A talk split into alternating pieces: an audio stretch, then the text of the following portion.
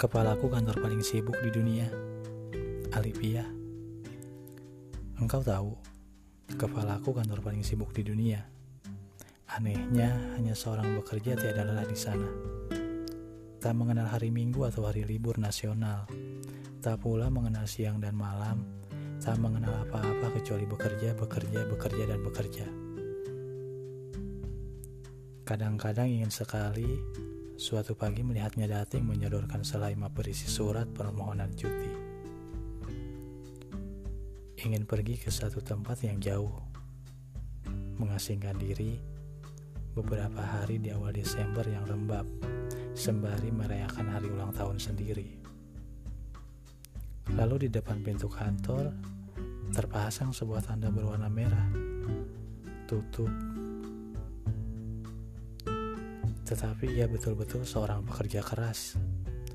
Setiap saat ia berada di kantor, mungkin hendak menyelesaikan seluruh persoalan waktu yang tidak pernah mampu selesai itu.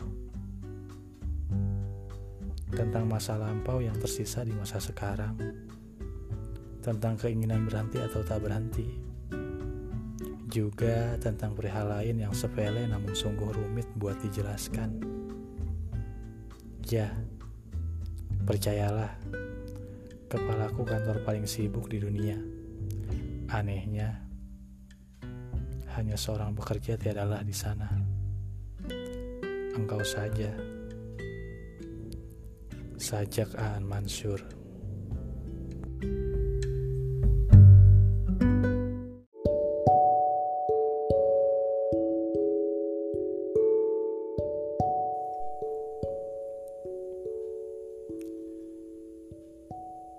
Jika saja waktu dan kenangan adalah layang-layang, sudah kugulung benang-benangnya, dan kugunting bagian yang tak kuingin. Hari itu, hujan curah tak deras, namun lama. Kaca jendela berembun, hingga tak perlu juntai tirai sebagai selubung. Tak ada orang yang akan melihat kita. Bisikmu. Lalu kau buka kancing-kancing baju dengan tangan gemetar. Memperlihatkan kerumunan tai lalat yang kau rahasiakan di sisi kiri payudaramu yang berawan, menawan.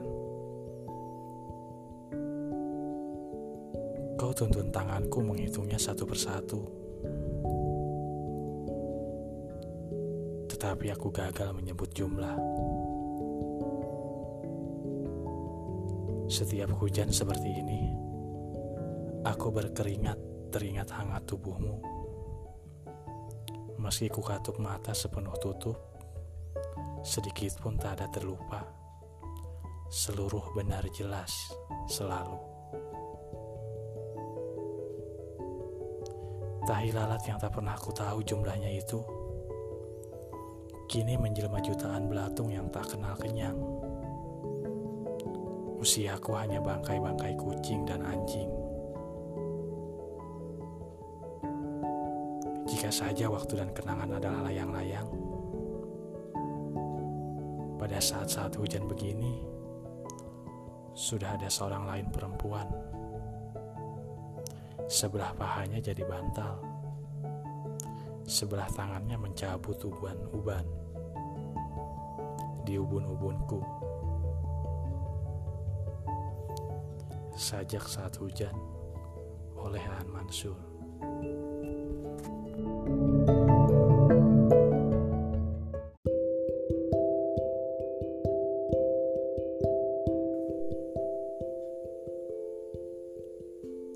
Akhirnya kau pergi.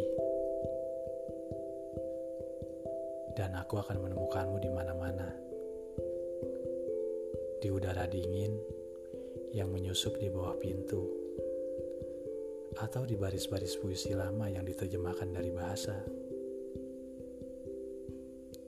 Di sepasang mata gelandangan yang menyerupai jendela berbulan-bulan tidak dibersihkan,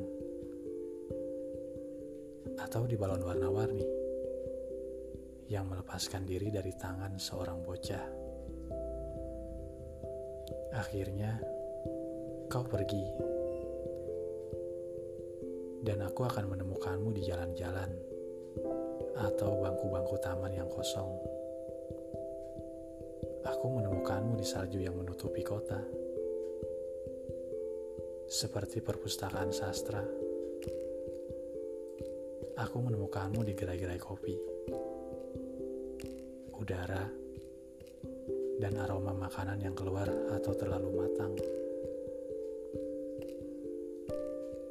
Aku menemukanmu berbaring di kamarku yang kosong.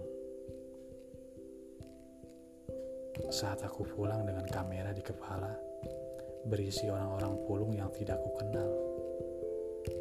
Kau sedang menyemak lagu yang selalu kau putar. Buku cerita yang belum kelar kau baca, bertumpuk bagai kayu lapuk di dadaku. Tidak sopan kataku mengerjakan hal-hal tapi kesedihan. Akhirnya kau hilang. Kau meninggalkan aku. Dan kenangan ini satu-satunya akar getah yang tersisa. Akhirnya kau hilang. Oleh Aan Mansur. thank you